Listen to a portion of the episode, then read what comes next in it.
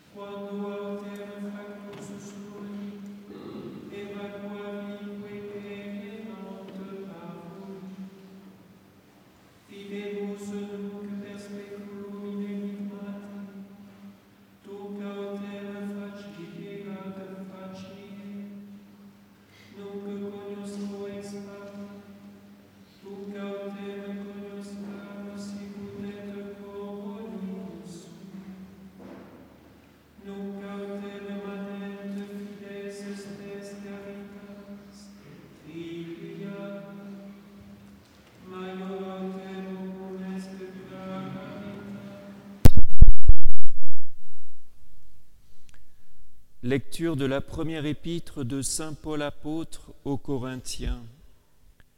Frères, si je parle les langues des hommes et des anges, mais que je n'ai pas la charité, je suis un bronze sonore ou une cymbale retentissante.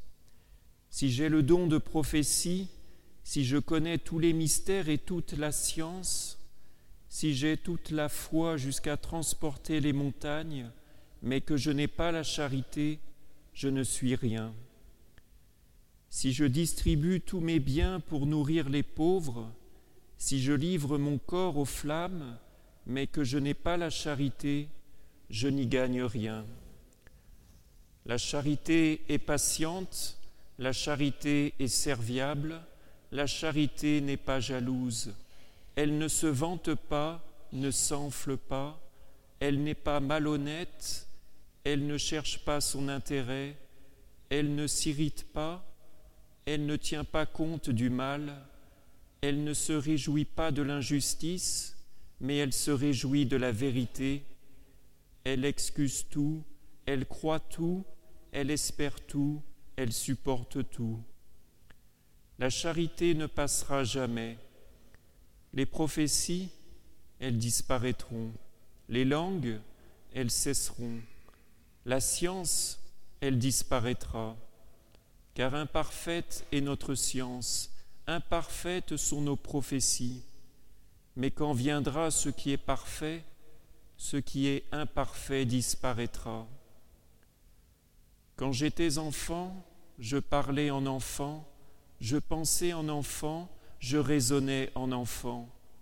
Quand je devins homme, je fis disparaître ce qui tenait de l'enfant. Nous voyons à présent au moyen d'un miroir, confusément, mais alors ce sera face à face.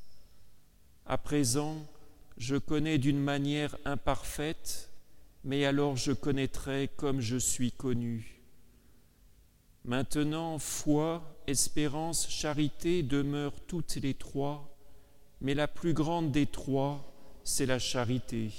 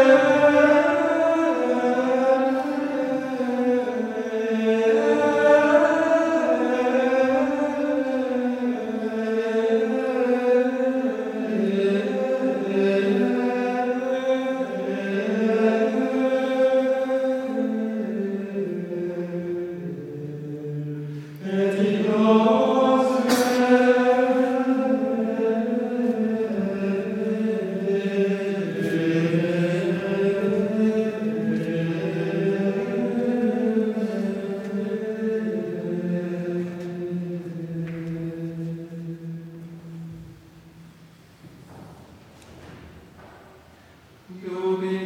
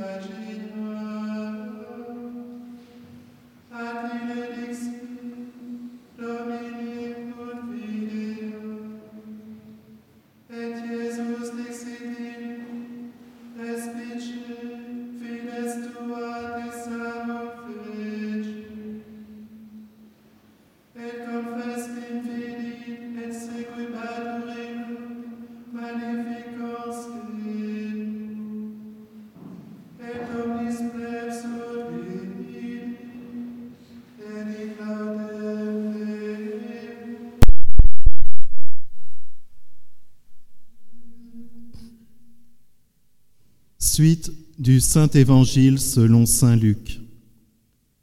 En ce temps-là, Jésus prit à part les douze et leur dit, Voici que nous montons à Jérusalem et que s'accomplira tout ce qui fut écrit par les prophètes au sujet du Fils de l'homme. Car il sera livré aux païens, bafoué, insulté, couvert de crachats. Après l'avoir flagellé, ils le tueront et le troisième jour, il ressuscitera.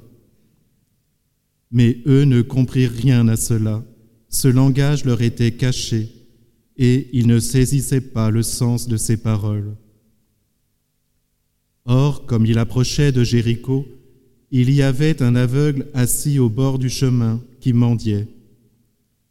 Quand il entendit passer la foule, il demanda ce qu'il y avait. On lui répondit, c'est Jésus de Nazareth qui passe. Alors il se mit à crier, Jésus, fils de David, aie pitié de moi. Ceux qui marchaient en tête lui enjoignaient de se taire, mais il criait de plus belle, Fils de David, aie pitié de moi. Jésus, s'arrêtant, ordonna qu'on le lui amène. Quand il se fut approché, Jésus lui demanda, que veux-tu que je fasse pour toi? Il dit, Seigneur, que je vois. Jésus lui dit, Vois, ta foi t'a sauvé. À l'instant même, il vit, et il le suivait en glorifiant Dieu. Et tout le peuple, en voyant cela, donna louange à Dieu.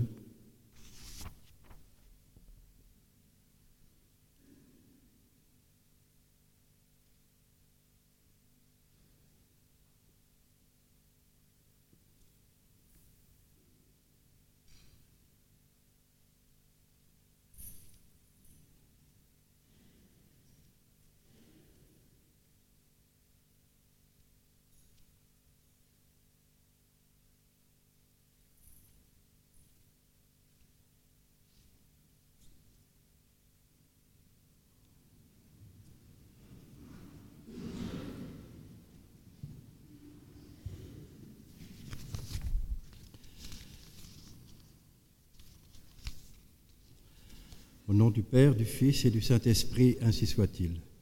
Mon très révérend Père, mes bien chers frères et pères moines, chers frères et sœurs, le carême commence mercredi prochain, mercredi 14 février, mercredi des cendres. Cette année, en ce début du carême, nous fêtons la Saint-Valentin, patron des amoureux et des fiancés. Alors nous demanderons donc à ce, saint médecin, prêtre et martyr, de nous aider à être toujours plus amoureux de Jésus-Christ notre Sauveur. D'abord en recevant avec foi les cendres qui nous seront imposées ce mercredi ou dimanche prochain pour ceux qui ne pourraient pas participer à la messe du mercredi des cendres, et en observant le jeûne et l'abstinence que l'Église nous demande de pratiquer ce jour-là. Mais comme ni vous ni moi ne sommes masochistes, il faut bien reconnaître que le carême, avec son cortège de pénitence et de mortification, nous fait un peu peur et que nous aimerions bien l'éviter. C'est sans doute parce que nous nous trompons sur la nature même du carême. Ce temps liturgique de préparation à Pâques n'est pas du tout un concours de fakir. La pénitence et la mortification ne sont que des moyens pour atteindre le but. Il s'agit d'offrir au Seigneur quelques témoignages d'amour en réponse à son amour infini. Donc tout d'abord, il nous faut remettre Jésus à sa place. Remettre Jésus à sa vraie place, qui est la première et non pas la dernière. Faire en sorte que Jésus soit au centre de notre vie et non pas en marge. Pour chacun d'entre nous, Jésus fait bien partie de notre univers, de notre paysage familier, mais il n'est pas toujours au centre, pas toujours premier servi. Il nous faut donc remettre Jésus au cœur de notre vie. Et j'insiste, c'est bien Jésus lui-même qui doit être le centre de notre vie et non pas une image déformée, l'image souvent bonasse, souvent fausse que nous pouvons en avoir pas un Jésus douceâtre et mièvre, mais Jésus, vrai Dieu et vrai homme, Fils de Dieu et Fils de Marie, Jésus, seconde personne de la très sainte Trinité, unique Sauveur des hommes, sans qui nous ne pouvons rien faire. L'évangile que nous venons d'entendre nous éclaire sur l'attitude que nous devons avoir durant le temps du carême. Jésus prend à part les douze, ceux qu'il a choisis pour être ses apôtres et qu'il a appelés à le suivre, comme nous-mêmes, nous tous, baptisés, que Jésus a invités à marcher à sa suite. Jésus enseigne ses apôtres en leur annonçant le mystère de sa passion. Montons à Jérusalem pour que s'accomplisse tout ce qui a été écrit par les prophètes au sujet du Fils de l'homme. Il sera livré aux païens, tourné en dérision, flagellé, couvert de crachats. Après l'avoir flagellé, ils le tueront. Mais le troisième jour, il ressuscitera. Les douze ne comprirent rien à ces paroles de Jésus. C'était pour eux un langage caché dont le sens leur échappait. Nous-mêmes, Jésus nous enseigne par sa parole que nous recevons dans l'Écriture sainte et par la tradition, c'est-à-dire par l'enseignement de la doctrine de la foi transmis de génération en génération aux hommes de bonne volonté par l'Église. Mais comme les douze, nous non plus, nous ne comprenons pas toujours bien ce que Jésus nous enseigne. Nous voulons bien Jésus glorieux, Jésus victorieux du péché et de la mort, mais le choix des moyens pour parvenir à la victoire nous heurte. Nous voudrions une passion moins rude et moins cruelle, sans les crachats et la flagellation, une croix plus douce, un fiel moins amer, un sacrifice moins sanglant, un combat contre Satan moins violent. Nous sommes aveugles et sourds, nous ne comprenons pas l'enseignement du Seigneur. Nous ne voyons pas que si Dieu a voulu ces moyens pour notre rédemption, c'est qu'ils sont les meilleurs et les plus appropriés à obtenir notre salut. Nous sommes aveugles devant le mystère d'amour de Dieu pour les hommes. Nous nous habituons au péché, nous n'en voyons plus la gravité. Si pour nous racheter de l'esclavage du péché, Dieu s'est fait homme et a souffert la passion et tous ses supplices et toutes ses souffrances, c'est que le péché n'est pas banal ni négligeable. Nous sommes aveugles et donc à notre cécité un seul remède. Comme l'aveugle de Jéricho, nous devons crier Jésus, fils de David, ayez pitié de moi. Supplions avec insistance, et alors Jésus nous demandera Que veux-tu que je fasse pour toi? Quelle sollicitude de la part de Jésus. Il ne nous sauve pas sans nous, bien qu'il connaisse mieux que nous nos besoins. Bien que Jésus veuille notre bonheur davantage que nous-mêmes, que nous-mêmes nous ne pouvons le désirer, il ne nous impose pas la guérison de nos infirmités sans notre consentement. Il attend que notre volonté se fonde avec la sienne pour n'en faire plus qu'une.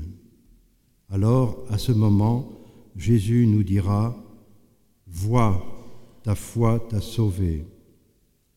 C'est bien là le programme de notre carême. Nous devons prier avec une vraie confiance suppliante une fiducia supplicans, afin que les moyens mis en œuvre par Dieu pour notre salut puissent opérer, pour que le mystère d'amour de Dieu pour chacun d'entre nous porte ses fruits de bonheur et de salut. Crier notre misère sans douter que Jésus nous entend et nous exauce.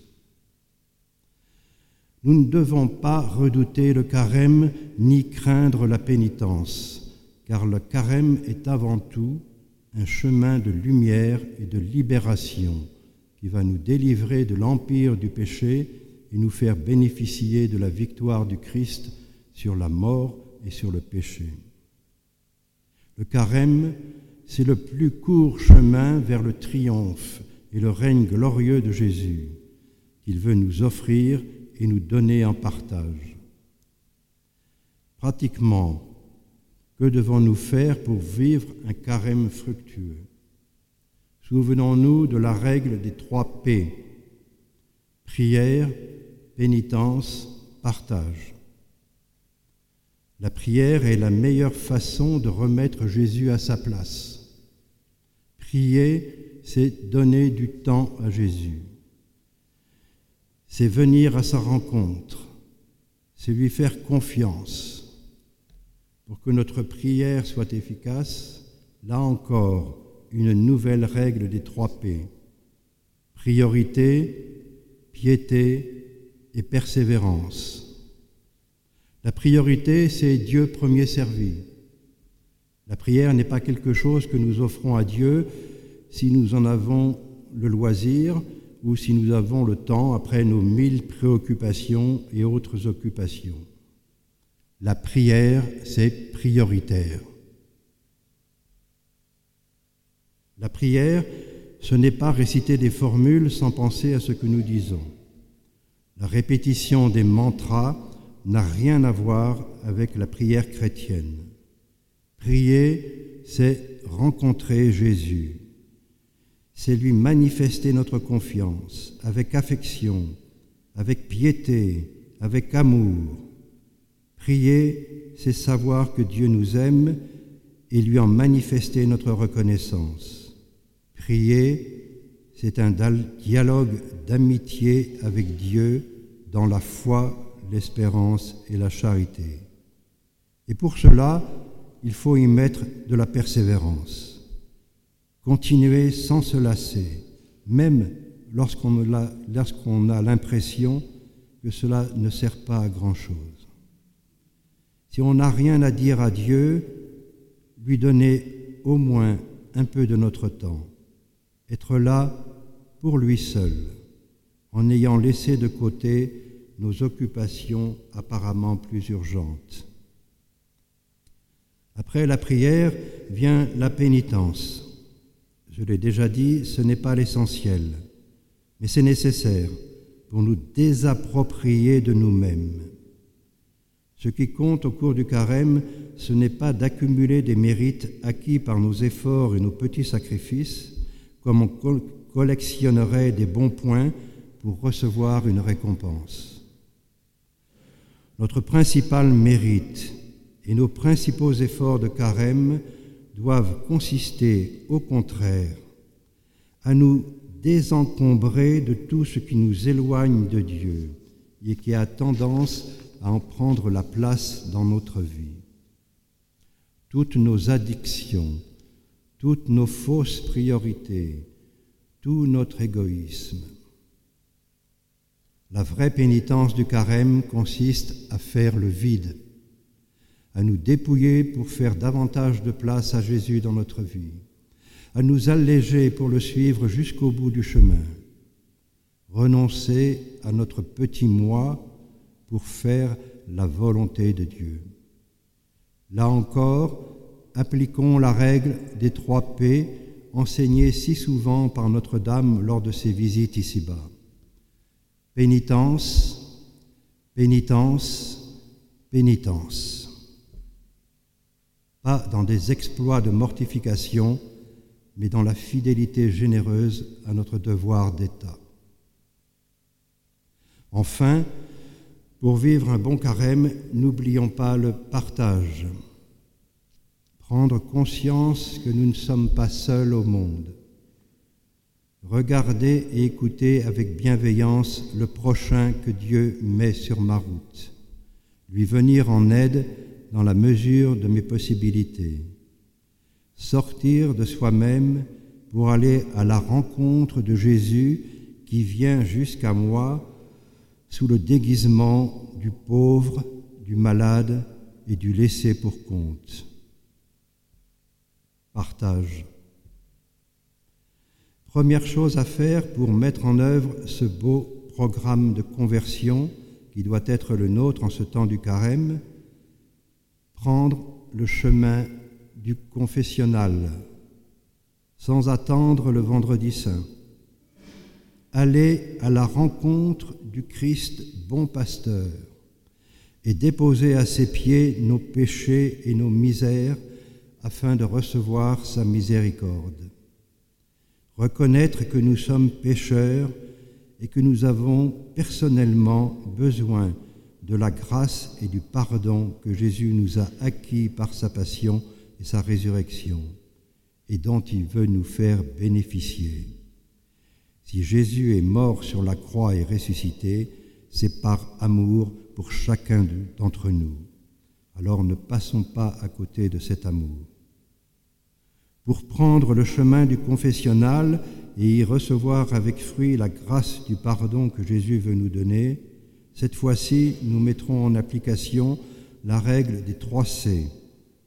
D'abord, la confession, ensuite la contrition et ensuite la confiance. D'abord la confession, c'est-à-dire l'aveu sincère de nos fautes. Cette confession va nécessairement avec la contrition. La contrition, c'est autre chose que le remords d'avoir mal agi c'est la prise de conscience que nos péchés ont blessé l'amour que Dieu a pour nous. Il nous faut donc regretter nos péchés, non pas pour ce qu'ils sont en eux-mêmes, mais à cause de cette blessure que nous avons faite au cœur de Dieu. Enfin, cette démarche de la confession doit se faire avec confiance en la miséricorde et l'amour infini de Dieu pour chacun d'entre nous. La conviction inébranlable que l'amour de Dieu est plus grand et plus fort que tout et qu'il nous attend pour nous combler de bonheur. À tous et à chacun, je souhaite un bon et saint carême dans une fructueuse préparation au triomphe de Pâques. Au nom du Père, du Fils et du Saint-Esprit, ainsi soit-il.